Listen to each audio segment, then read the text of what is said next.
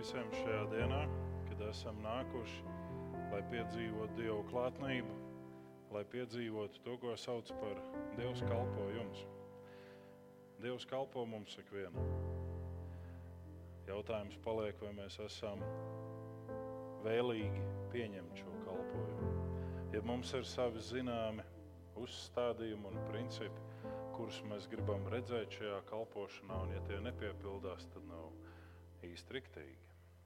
Tādēļ, lai sākot šo dievkalpojumu, lai ļaujot sevi sagatavot, lūdzam Dievu. Svētīts tu, Kungs, Dievs, visuma valdnieka, kurš esi sūtījis glābēju Jēzu, savu vienpiedzimušo dēlu, kurš ir Izraēla tautas, mūsu un visas pasaules grēku izpircējs. Lai savā mīlestībā, ar viņa rokas palīdzību, tu liktu mūžīgo dzīvību mūsos. Svētīts tu, Kungs, tavu žēlastību piepilda pasaule. Pateicamies Tev, valdniek, dzīvais un esošais, ka Tavas lielās žēlastības dēļ Tu atgriez mums atpakaļ dvēseli. Liela ir Tava uzticība. Un mēs turpinam Tev pateikties par to, ka tu esi cilvēkiem sagatavojis visu dzīvē nepieciešamo un esi devis tiem gudrību, lai iepazītu tavu varenību, lai tie iemācītos pildīt un piepildīt savu aicinājumu. Lūdzam, svētī mūsu ikvienu, lai līdz brīdim, kad sauc mūsu mājās pie sevis, mēs esam par svētību ikvienam, ko sastopam. Āmen!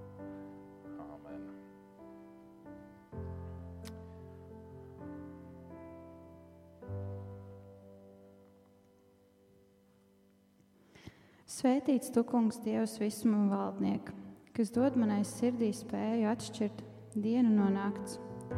Svētīts tu, kungs, Dievs, visuma valdnieka, kas esi radījis mani pēc savas gribas un atbilstoši savam nolūkam. Svētīts tu, kungs, Dievs, visuma valdnieka, kas atver acis aklajiem. Svētīts tu, kungs, Dievs, visuma valdnieka, kas apģērb kailos, ietērp neapbruņotos. Svētīts tu, kungs, Dievs, visuma valdniek, kas atbrīvo ieslodzītos. Svētīts tu, kungs, Dievs, visuma valdniek, kas iztaisno salīkušos. Svētīts tu, kungs, Dievs, visuma valdniek, kas sauzemi pacel pāri ūdeņiem. Svētīts tu, kungs, Dievs, visuma valdniek, kas dod man visu nepieciešamo. Svētīts tu, kungs, Dievs, visuma valdniek, kas virzi cilvēka soļus. Svētīts tu, Kungs, Dievs, visuma valdniek, kas dod spēku no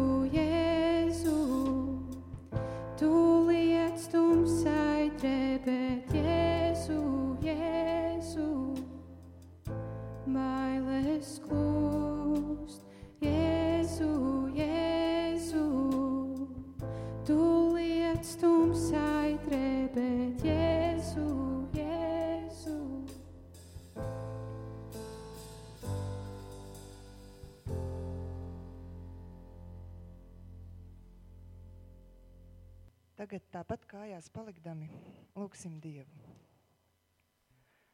Mēs ar prieku pateicamies Tev, Tēvs, kas dari mūs cienīgus Tev svēto gaismās saņemt savu mantojuma daļu.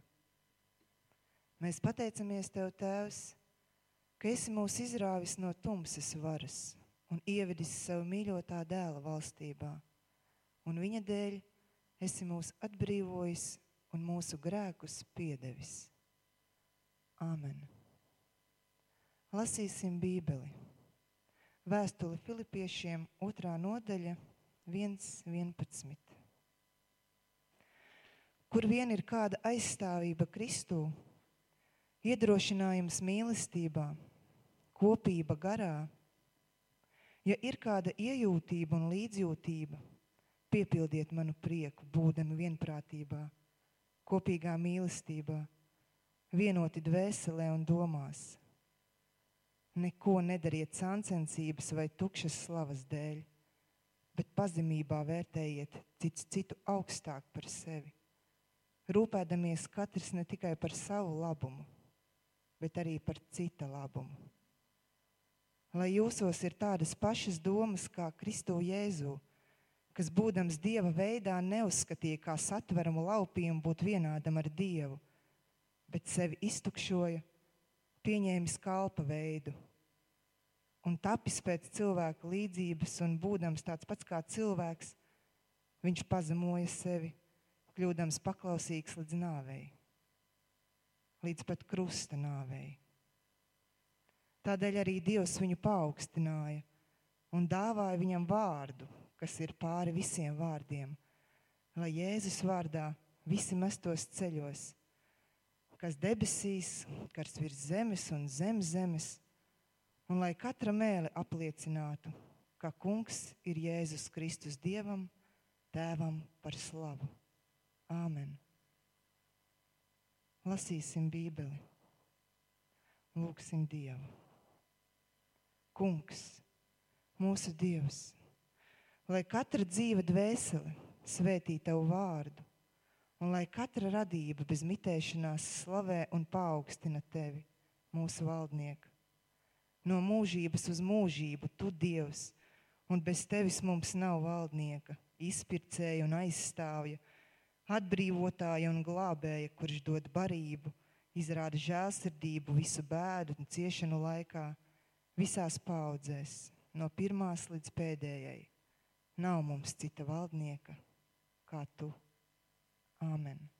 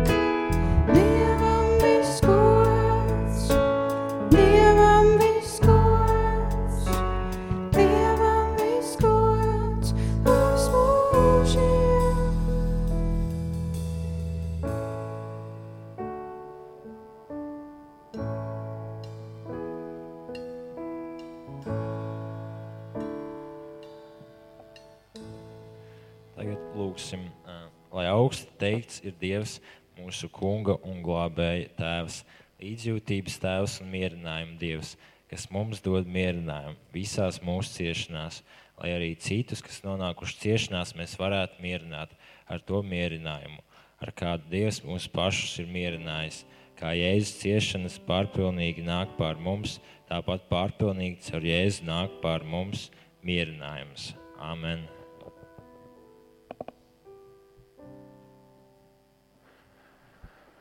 Mēs pieminēsim tos, kas atsaluši ticībā.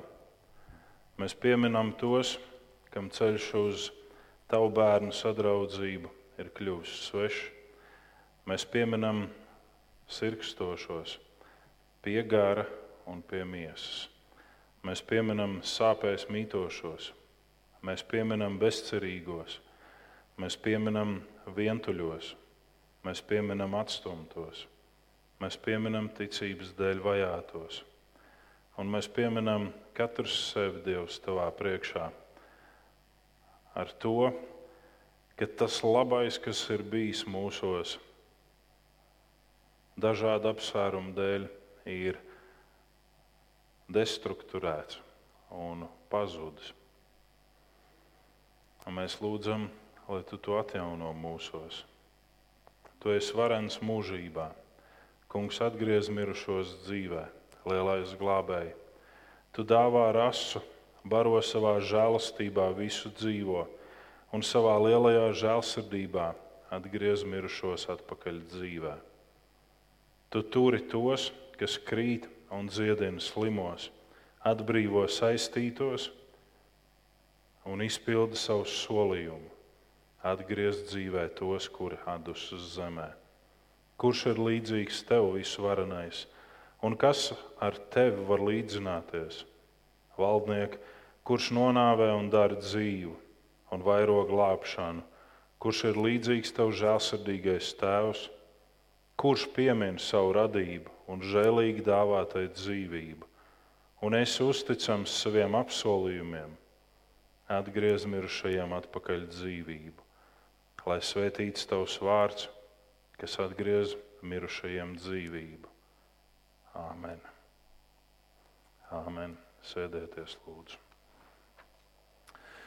Kā jau es minēju, ka mēs šodien liekam ziedojumu Radio Mariju kastiņā, paralēli tam, ko mēs parasti liekam draudzes darbam.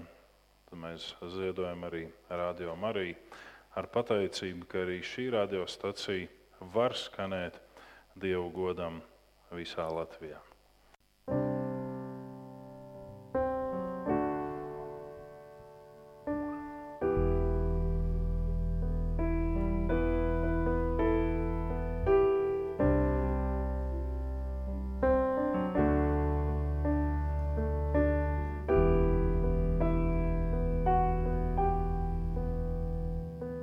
Šīs vēžas,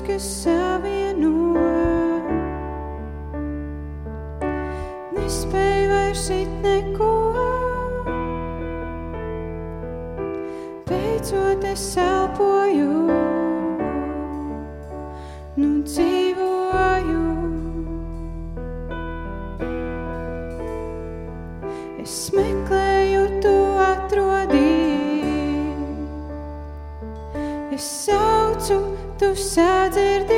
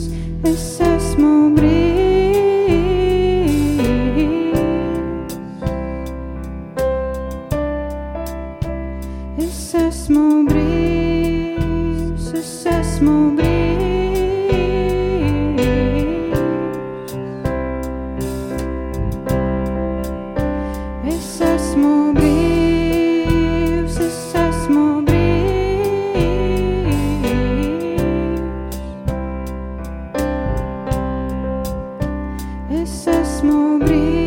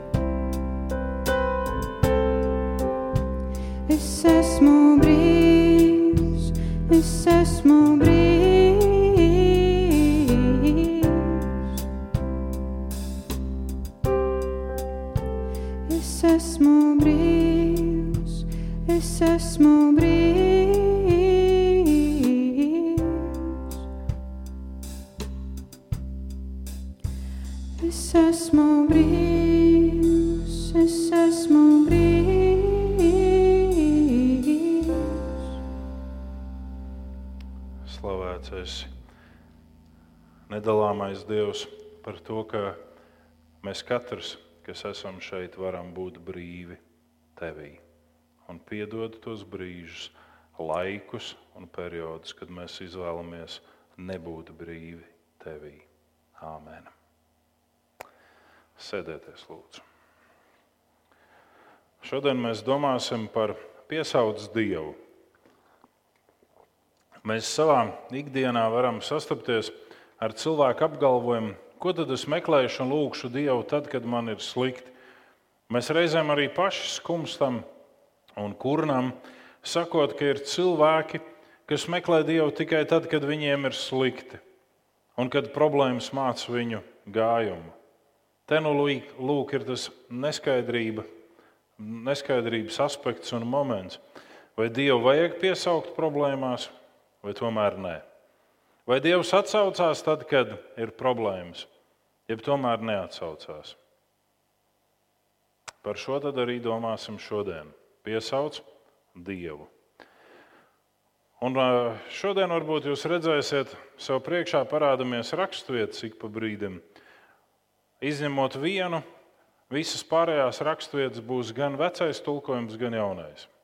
Gan vecais, gan jaunais. Bet mūsu pamata teksts būs no pravieša Nahuma grāmatas, pirmās nodaļas, septītais pants. Pravietis Nahums 1,7.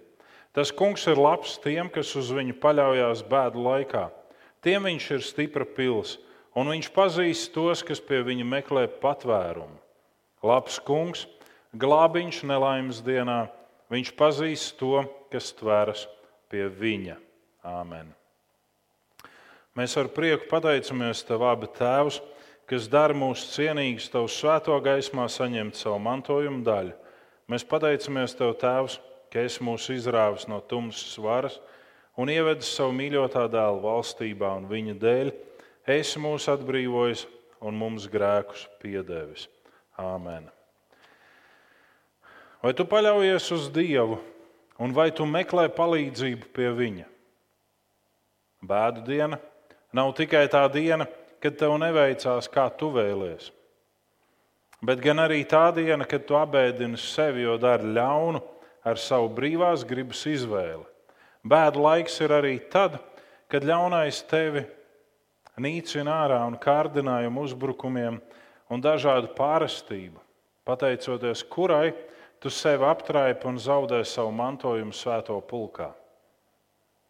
Dievs tiek salīdzināts kā nocietināta pilsēta, kurā ik viens var patvērties no ļaunā, bet problēmas sākas tad, kad personas sāk aizmirst savu patvērumu vietu un kļūst lepni bravurīgas. Tu esi patvēries Dievā, bet līdz ko tev sākas uzlabojumi, tā mēs sakām, ah, nu, deguns gaisā vai ne? Nu jau viss rullē. Tā mēs sakām. Nu jau viss tev ir labi. Un tad tu sāc staigāt pa mūri un bļaustīties uz tiem pretiniekiem, kas tur ir lejā, lamāt viņus, sunīt viņus, visādi izrādīt savu nepatiku pret viņiem. Un kas tad notiek? Stiprā pils vairs nevar tevi pasargāt. Stiprais pils cietoksnis vairs nav tas nocietinājums, kas spēj tevi patvērt no šīm bēdām. Un ļaunā ugunīgās bultas tevi skar. Tas ir tas paradoks. Ka tajā brīdī, kad mēs piedzīvojam šo dievišķo aizsardzību, šo dievišķo patvērumu, šo dievišķo svētību, mums vajadzētu vēl vairāk nākt pazemībā viņa priekšā. Mums vajadzētu vēl vairāk ļaut viņam pasargāt mūs. Mums vajadzētu vēl vairāk nonākt tādā pozīcijā, ka mēs darām tikai to, ko viņš liek darīt. Un jūs man sāksiet teikt, un vēsturē ir bijuši tādi frīki, kas saka, Dievs man nelika šodien iet uz darbu, es nevaru iet, man jāguļ mājās. Nē, nē, nē. nē. Ir tās vispārējās lietas, kuras status quo Dievs ir svētījis. Un Dievs ir svētījis to, ka tu ej uz darbu, Dievs ir svētījis to, ka tu nāc mājās, Dievs ir svētījis to, ka tu vari baudīt ēdienu, Dievs ir svētījis visu šo gājumu. Bet šeit vairāk mēs runājam par to, ka Dievs nosaka to, kurā brīdī, ar kuru cilvēku, kādās izteiksmēs runāt par viņu vai nē. Kurā brīdī aizlūgt par cilvēku, un kā aizlūgt par cilvēku, un kāpēc aizlūgt par cilvēku. Varbūt nevajag aizlūgt par cilvēku. Varbūt vajag vienkārši klusējot pieskarties tam cilvēkam, varbūt pat ne tieši kontaktā pieskarties bet ļaut, lai tas dieva daudzums, kas ir ap tevi un tevī, arī par šo cilvēku nāk. Es vēl joprojām nonāku tādā pārsteiguma, samulsuma situācijā, domājot par pravieti Jonu. Viņš tika sūtīts uz svešu zemi, runāt svešiem ļaudīm, svešā mēlē, par Dievu, kurš šie ninivieši nepazīst. Valodā, kuru šie ninivieši arī nepārvalda, bez tulka. Un šie ninivieši maisos, ietērpušies tādā rupjā auduma apģērbā, kaisot zemes putekļus uz galvas, nožēloja savus grēkus. Kā tas tā nākas? Mums ir tādas skolas un šādas skolas, mums ir tādi principi un šādi, bet cilvēku skaits kā samazinās, tā samazinās baznīcās.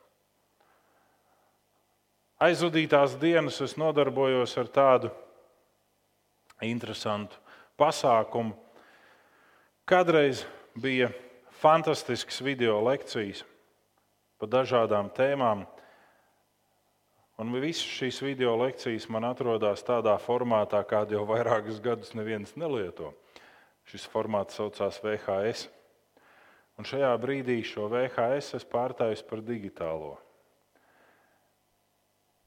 Un tad es domāju pie sevis, kā tas nākas, kad Dievs tev ir iedevis šo instrumentu, šīs lekcijas, kuras tu esi skaisti sakārtojis uģi savā plauktā un priecājies, man ir šīs lekcijas. Vai nav jauki? Bet cilvēki nav varējuši to piedzīvot. 87. vai 88. gadā, precīzi neatceros, notika liela konference, kongresa Lozana 2. Un šajā lielajā notikumā evanģelizācijas asociācijas vadītājs, mācītājs un evanģēlists Bilijs Grehems katram dalībniekam no austrumu bloka izdalīja vid, uh, filmu projektoru ar visu skaņu un filmas celiņu konkrētajā zemes valodā. Mūsu gadījumā tas būtu latviešu ar filmu Jēzus. Aparāts bija briesmīgs. Nu, briesmīgs tādēļ, ka viņš bija kaut kāds 11 kg smags. Filma, iedomājieties, paši, kādreiz esat redzējuši kaut kur kinofilmas, nu, filma, 12 mm filma, kuru var paņemt saulainā dienā pret logu un skatīties, kā tur ik pa kadram mainās kustības. Ne? Un atcerieties, divi gadi atpakaļ šeit pie mums bija brālis no Baltkrievijas, Viktors Kociņš. Viņš stāstīja, ka viņš ar šo filmu, jo viņš bija tajā pat konferencē, ir sācis savus pirmos evanģelizācijas pasākumus vasaras laikā. Daudz dzīvokļu namu māju pudurītī uz mājas sienas vēlā vakarā atskaņojis šo filmu. Un cilvēki varēja gan no logiem skatīties, gan pagalmos nākt un skatīties. Un jautājums ir par to, ka visi šie cilvēki, kas bija šajā konferencē no Austrum bloka, saņēma šo vienādo talantu. Mēs viņu varam saukt tā. Filma aparāts un filma darbojies. Kas izmantoja un kas neizmantoja. Es saņēmu lekcijas video formātā. Un šodien, ejot savā mazajā rīta pastaigā, Es domāju, un ar sevi izvedu diskusiju, cik daudz no šīm video lekcijām es esmu darbinājis iepriekšējos laikos. Vai es to esmu darījis, cik daudz es esmu darījis. Man bija visi drukātie materiāli, grāmatiņās. Viss bija fantastiski. Šajā brīdī es saprotu, es to gribu visu atjaunot. Sazinājos ar Kijevu, lai atsūtu man materiālu PDF versijas, un lai var lietot. Kāpēc? Tāpēc, ka tie ir instrumenti. Dievs katram no mums dod instrumentus, kurus lietot. Katram. Kā mēs tos lietojam? Kad mēs tos lietojam? Viens teica, es zinu, ka tu esi Barkas kungs. Un ka tu negribi, ka tavs vārds jebkādā formātā tiek ķengāts. Tāpēc es aizgāju un šo talantu noragu zemē. Nelietoju. Gribi, es tev atdodu viņu. Stāstiet man, ko es darīšu debesīs ar savām video kasetēm. Es varu Dievam teikt, ka te ir visas lekcijas. Paldies, ka tu viņus iedevi. Neviens nebija cienīgs, lai es viņam rādītu šīs video lekcijas. Un tālāk. Cilvēki, kas ir ap mums, viņiem ir jādzird šī patiesība par Dievu. Un, ja mums ir iedoti instrumenti, tad mums ir jāprasa Dievam, kā tu gribi, lai šos instrumentus lietoju. Es negribu nevienu mirkli šos instrumentus paturēt tikai savā redzeslaukā, tikai sev. Es gribu lietot tavam godam, tavai svētībai, lai cilvēki uzzina patiesību par tevi. Protams, ka mēs atkal varam sākt spekulēt, kādu zinu, ka tā ir patiesība. Nu, pieņemsim, ka es zinu, ka tā ir patiesība. Jūs varat izvēlēties, ir vai nav patiesība. Bet priekš manis tā ir patiesība. Un šī patiesība skan, piesauc man bēdu laikā. Tev ir bēdas, piesauc Dievu. Mēs šodien lūdzām šo seno lūgšanu, atgriezt dzīvē mirušos. Un cilvēkiem ir jautājums, tu gribi iet uz kapiem un rakt vaļā kapus? Nē, es negribu iet uz kapiem. Es negribu rakt vaļā kapus, un es negribu tās daļas, kas tur ir no cilvēkiem, celt augšā. Bet es gribu, ka tie cilvēki, kas nomirst 25 gados, bet tiek apglabāti 50, 70, 80 gados, ka viņi tiek atdzīvināti ar Dieva garu. Ka tas labais, kas cilvēkos grēka dēļ ir padarīts par slikto, ka tas atdzīvojās. Un tās ir manas bēdas, un es piesaucu to kungu savā bēdās. Šodien pirms dievkalpojuma bija kāda maza vārdu apmaiņa par to, kā demoniskās varas darbojās.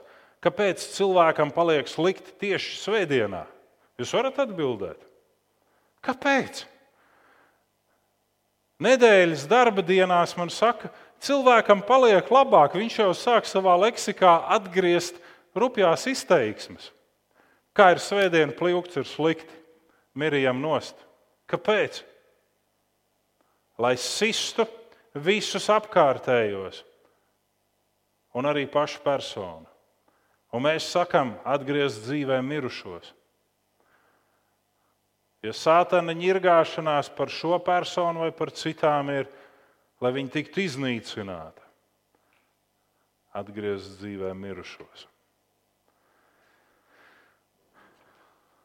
Lai būtu pazemība, tev ir jāieņem godavības attieksme. Attieksme, kas godu dod Dievam un tikai Viņam. Tev ir jāupurē pateicība. Tas ir, kad tev pilnībā negribās pateikties, bet gribās gausties un čingstēt, tad tomēr pateicies un dziedi slavas dziesmas. Un ļoti bieži es esmu sastapies ar cilvēkiem, kuri saka, es nevaru svētdienā nākt uz šo draugu, jo pirmā ir slavas dziesma, un man nemaz negribās slavēt. Pārbaudu sevi. Kāpēc tu čingsti? Kāpēc tu kurni?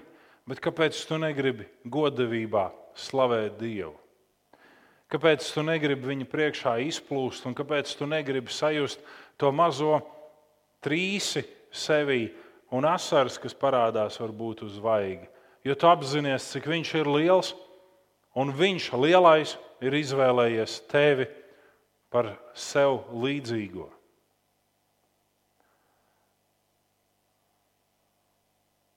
Cilvēki šodien piedzīvo ne tikai fizisku gangrēnu, bet arī garīgu. Un ja no fiziskās gangrēnas vēl var ārstēties, tad ar garīgo ir diezgan čābīgi. Ja cilvēks negrib, viņam nevar palīdzēt neviens. Garīgā gangrēna sevī ietver naidu, nepiedošanu, rūkumu, Un daudzas šīs situācijas, kuras es varu minēt dažādos aspektos. Sievietes ir gatavas pateikt, ka visi vīrieši ir cūkas. Tāpat laikā pašas spīdinot acis un meklējot, kurš varētu būt mans partneris. Vīrieši ir gatavi braucot ar auto garām cūku fermai norādīt uz sievietes radiniekiem kuplā skaitā. Tāpat laikā sevi nepakļaujot pilnībā dievam un neļaujot dievam sevi vadīt, lai nestu gaismu un būtu par ģimenes priesteriem. Dieva vārds 50. psalmā, 14. pantā saka, upurē dievam pateicību, mas, maksā visaugstākajam, ko apsolījis. Tanī brīdī, kad mēs dziedam, ņem manu dzīvi, tanī brīdī, kad mēs sakām, kungs, ņem manu dzīvi, tas ir kā solījums, ko mēs sakām Dievam. Taču nākamajā brīdī mēs sakām, Dievs, varbūt tomēr es drīkstu šo grēku izdarīt. Un varbūt tomēr es drīkstu to pārkāpumu izdarīt. Un varbūt tu varētu tā apklusināt manu sirdsapziņu, lai man nebūtu pārmetumi iekšā. Nu, nu, kas tad tur ir? Nu, es izdarīšu. Nu, nu, visi dara kādu grēku. Iespējams, pat skudras. Bet es esmu apsolījis sev dievam. Es esmu uzticējis sev dievam. Un, ja Dievs ir karapulku kungs, to nozīmē vārds ceboot. ja viņš ir karapulku kungs, un es esmu tā kā viņa kalpībā, tad kā sanāk, ka es viņam saku, nē, kungs? Tanī brīdī, kad viņš saka, dari, es saku, nē. Tanī brīdī, kad viņš saka, lieto to, kas tev ir par svētību citiem, es saku, nē, Dievs, tā manta nolietosies. Es nevaru, man, es taču zinu, kāds tu esi. Pēc tam man būs ilgi jālūdz tev, lai man būtu cita tāda manta vietā. Nē, nē, nē, labāk es taupu šo. Viņš saka, ko taupīt, taupa taupītājs. To nāk un paņem zaķītis. Upurē dievam pateicību, maksā visaugstākajam, ko apsolījis. Vēl taču nav pusseši.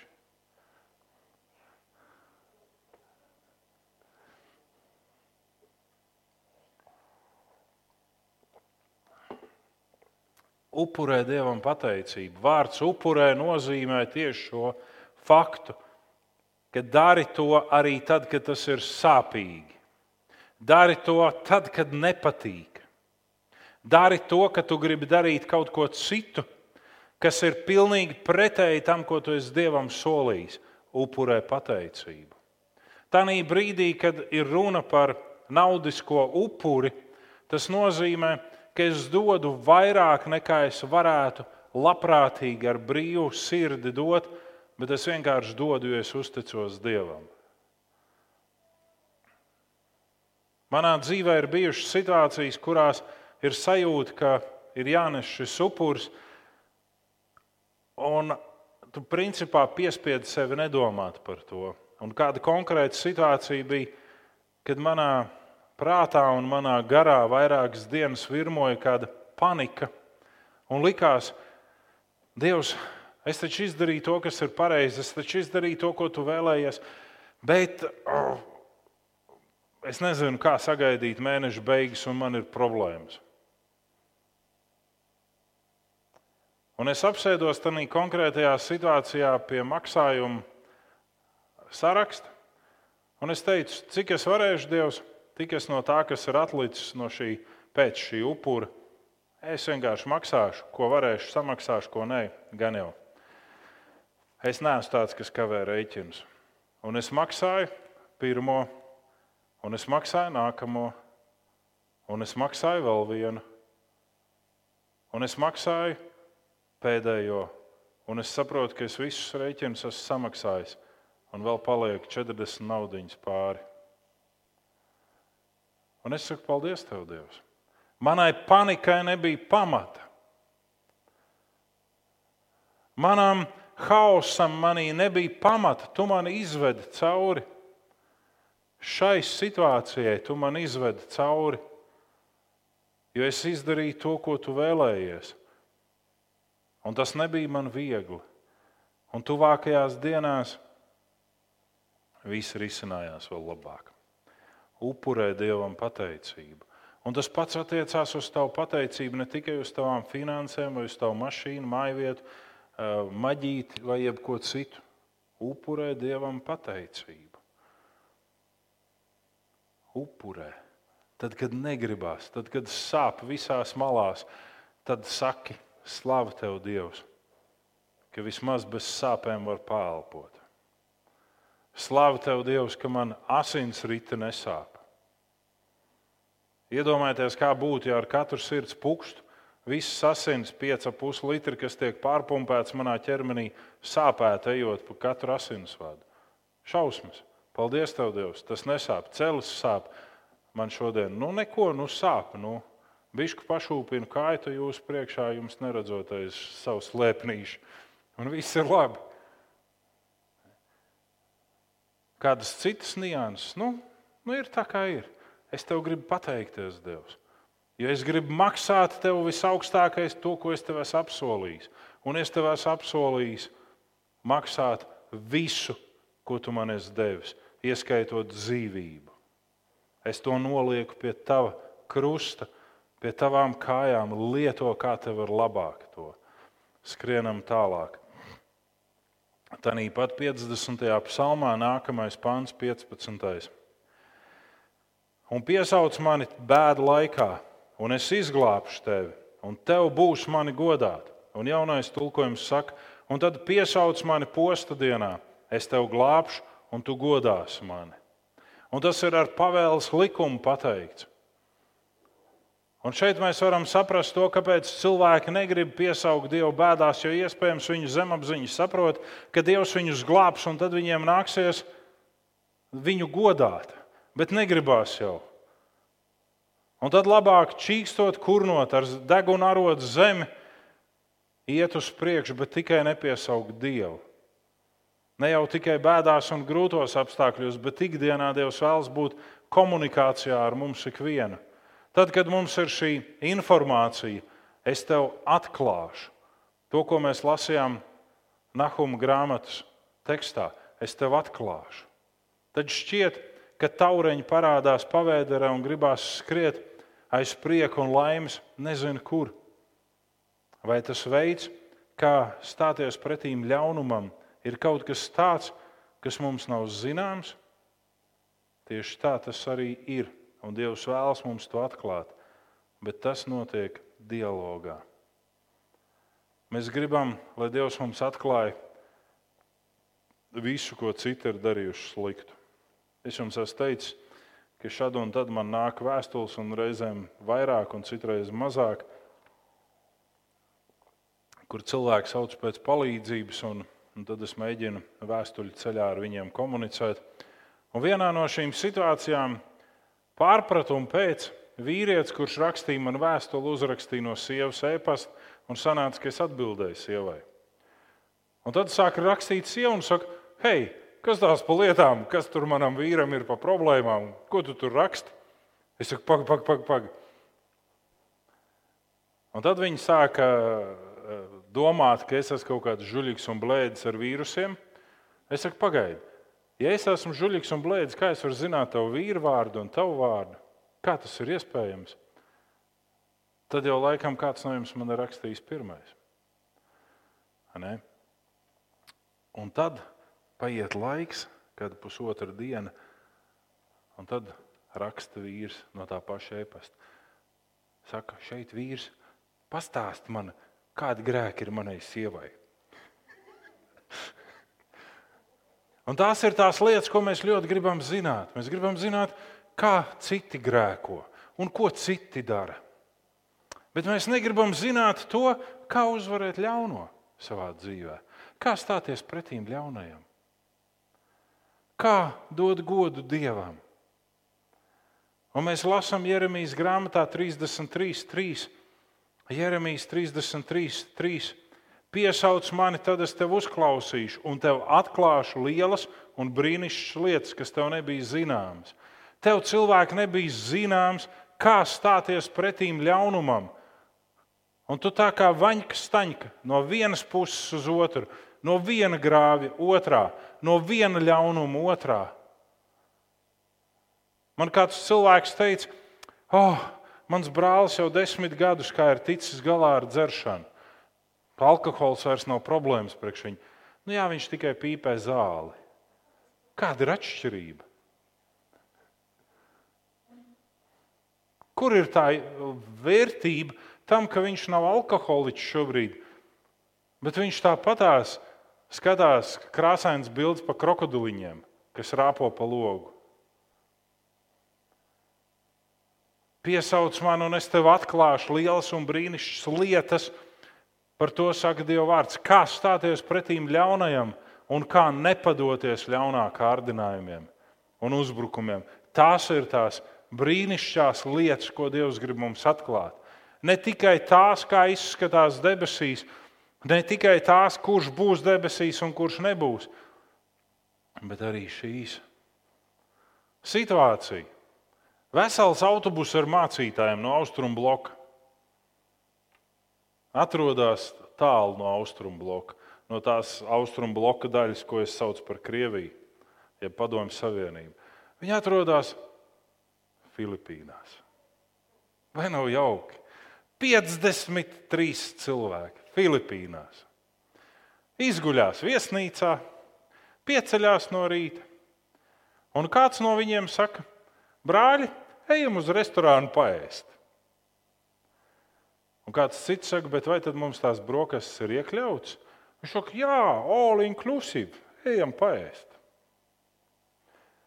Viņi aiziet, izēda restorānu tukšu 53 brālīši Sakābi busā, un pēkšņi bus nekur nebrauc, ieskrien viesmīlis un saka, hei, čaļi, samaksājiet par brokastīm.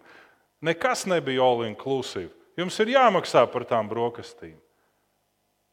Un šobrīd tie paši brāļi, kas teica, ka viss ir iekļauts, saka, а давайте, братья, помолимся. Palūksim Dievu, lai Viņš šito situāciju izrullē. Jums šķiet, tā ir anekdote, bet tā ir tāda reāla dzīves situācija. Kāds palūksim Dievu, tagad mums ir jāatver maciņu un jāsamaksā šiem cilvēkiem. Bet reizēm tieši tā mēs rīkojamies.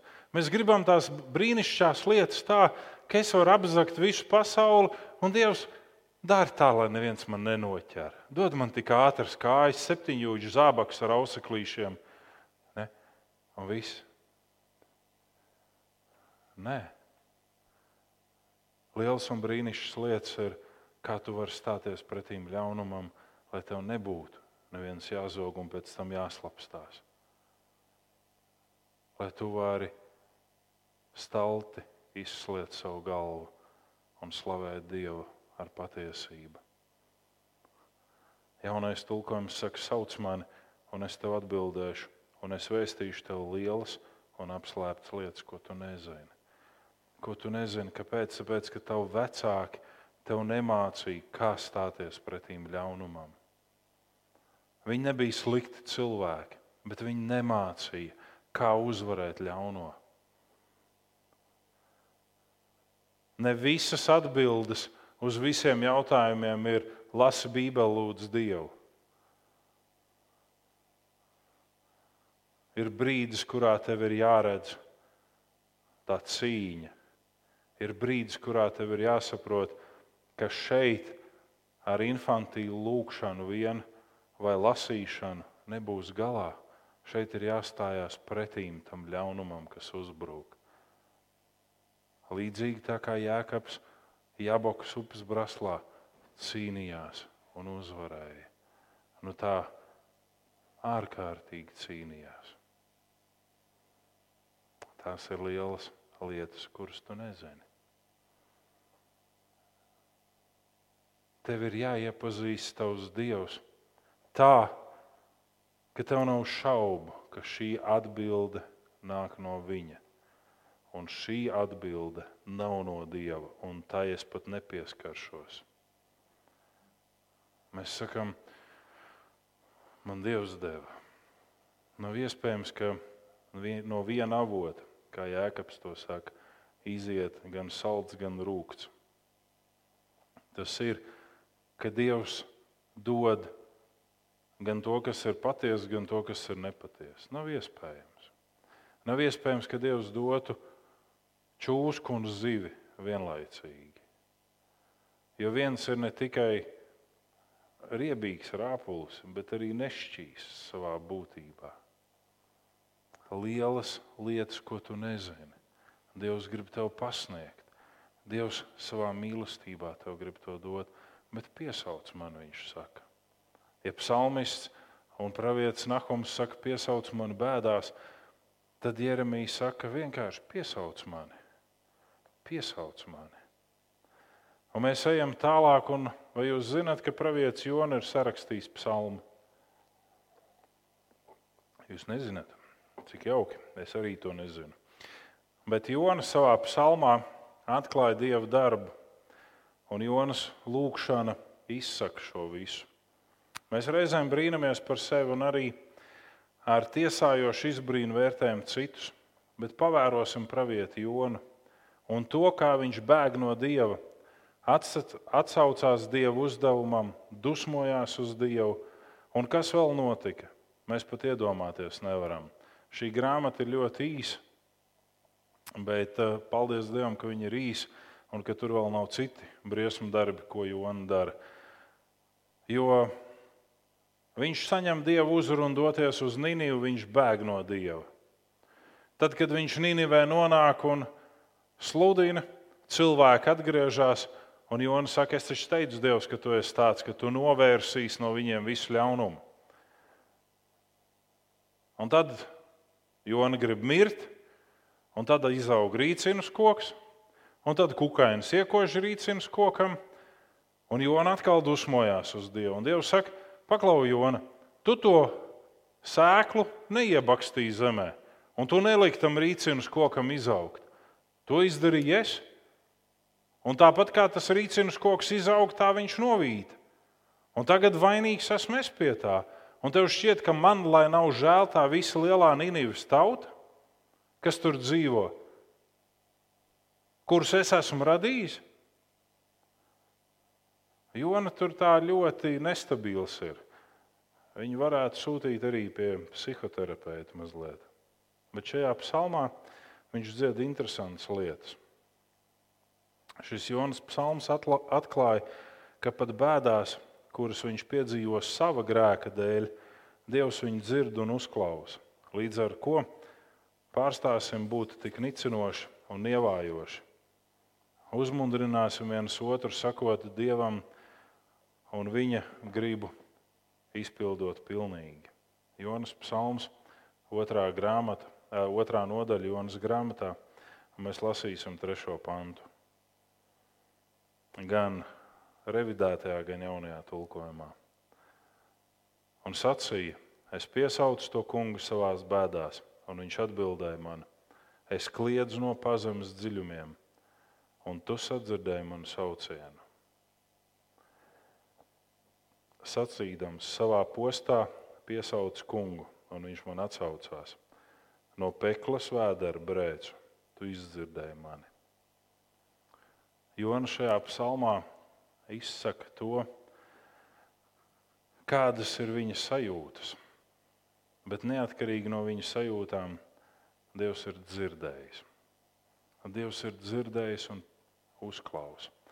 Tas nozīmē, ka ne tikai tajā brīdī, kad mēs nonākam bēdās tādēļ, ka mums ir dažādas apkārtējo apstākļu problēmas. Bet arī tajā brīdī, kad mēs nonākam bēdās savas nepareizās izvēles dēļ, savu grēka dēļ, savu neuzvarēto kārdinājumu dēļ, Dieva vārds saka, piesauc mani, piesauc mani. Jona saka, es tev piesaucu, es biju nogrims peklē. Jūs spējat iedomāties labāku lūkšanu kambari par kuģi, kur ir iespējams kādi citi radījumi, kas pakāpeniski tiek pārstrādāti ar kuģa sulu.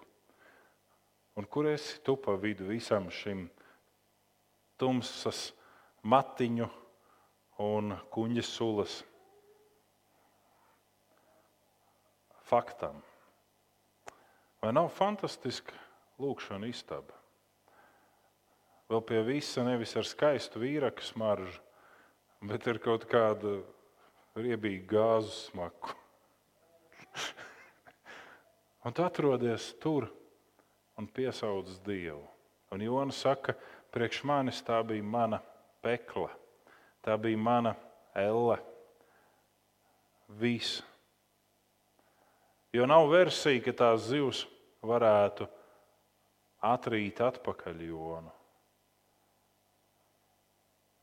Es biju grēkojis pret Dievu, un grēks un sacelšanās pret Dievu vainagojās vienmēr ar nāvi. Tas ir vecās derības fakts. Un, ja Jona būtu nonācis cilvēku rokās, tad pār viņu lidot akmens lietus. Jo cilvēki uzzinātu, ka Dievs viņu ir sūtījis un Jona nav paklausījis. Un praktiski Jona ir šajā nāves priekšstabā. Un viņš sauc uz Dievu, un Dievs viņu dzird. Tad, kad tu savu grēka dēļ esi nāves priekšstabā, kur apkārt tev ir pretīga smaka, un citi jau ir pa daļai sadalījušies, sauc uz Dievu, un Dievs atbildēs. Netīksminies par savu grēku, nožēlo to un sauc uz Dievu.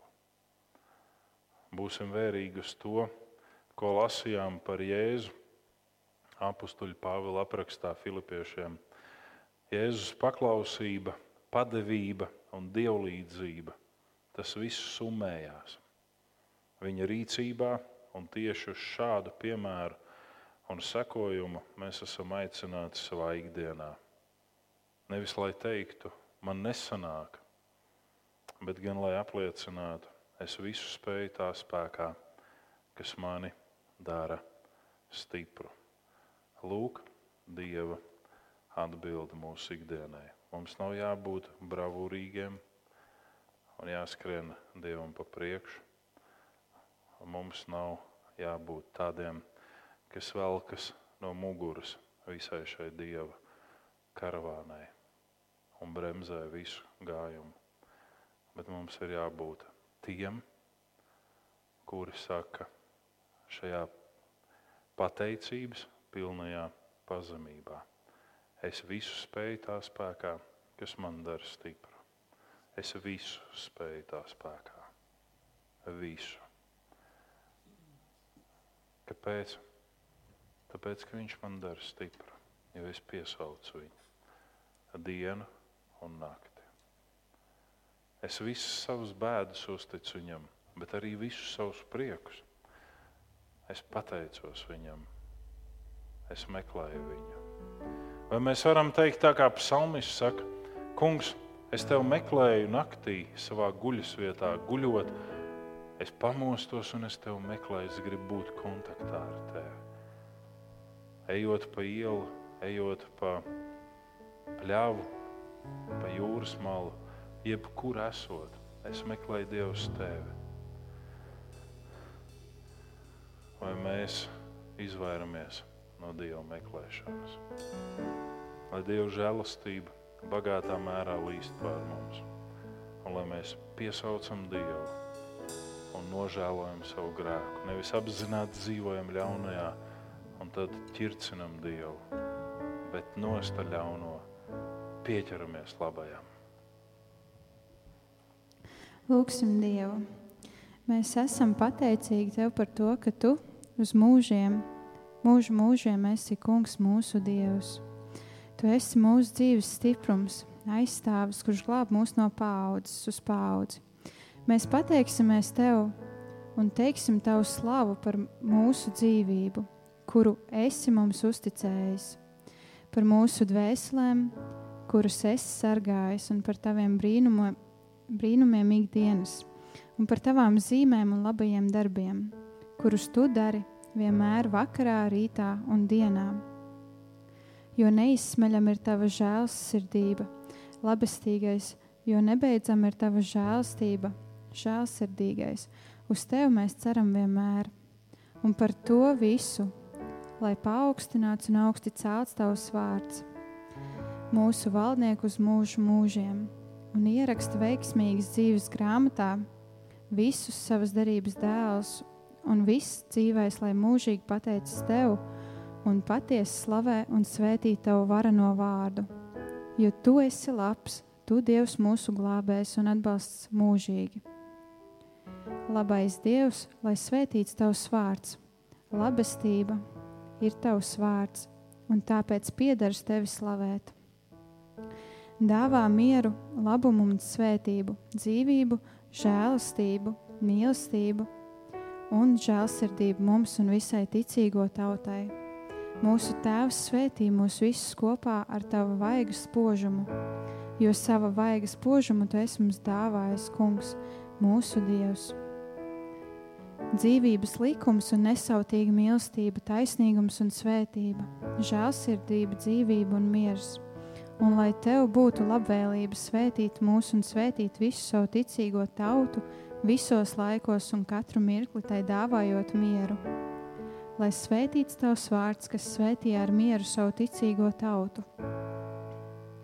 Un lai tev ir labs prāts, kungs, mūsu Dievs nodibināt mieru, ticīgo un izredzēto tautu, tautā un zemē, lai izplatītos svētība par visiem ticīgajiem kas ir pieņēmuši tavu vārdu un ir pietuvojušies tavai godai, godībai un taviem likumiem, un pār visu pasauli kopumā.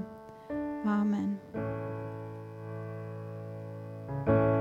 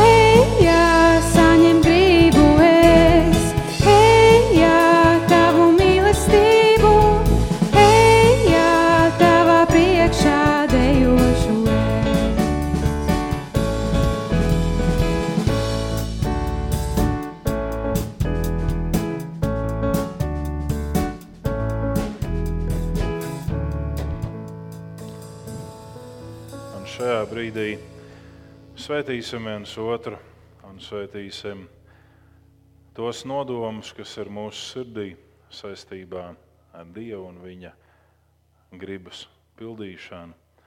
Svētīsim ar dažāda mēra labklājību, dvēseles gara un ķermeņa, lai Dievam būtu gods tagad un mūžu mūžos. Lai kungs tevi svētī un tevi pasargā, lai kungs apgaismo savu vaigu pār tevi un ir tev žēlīgs, lai kungs uzlūko tevi ar lapatiku un lai dod tev savu mieru. Āmen!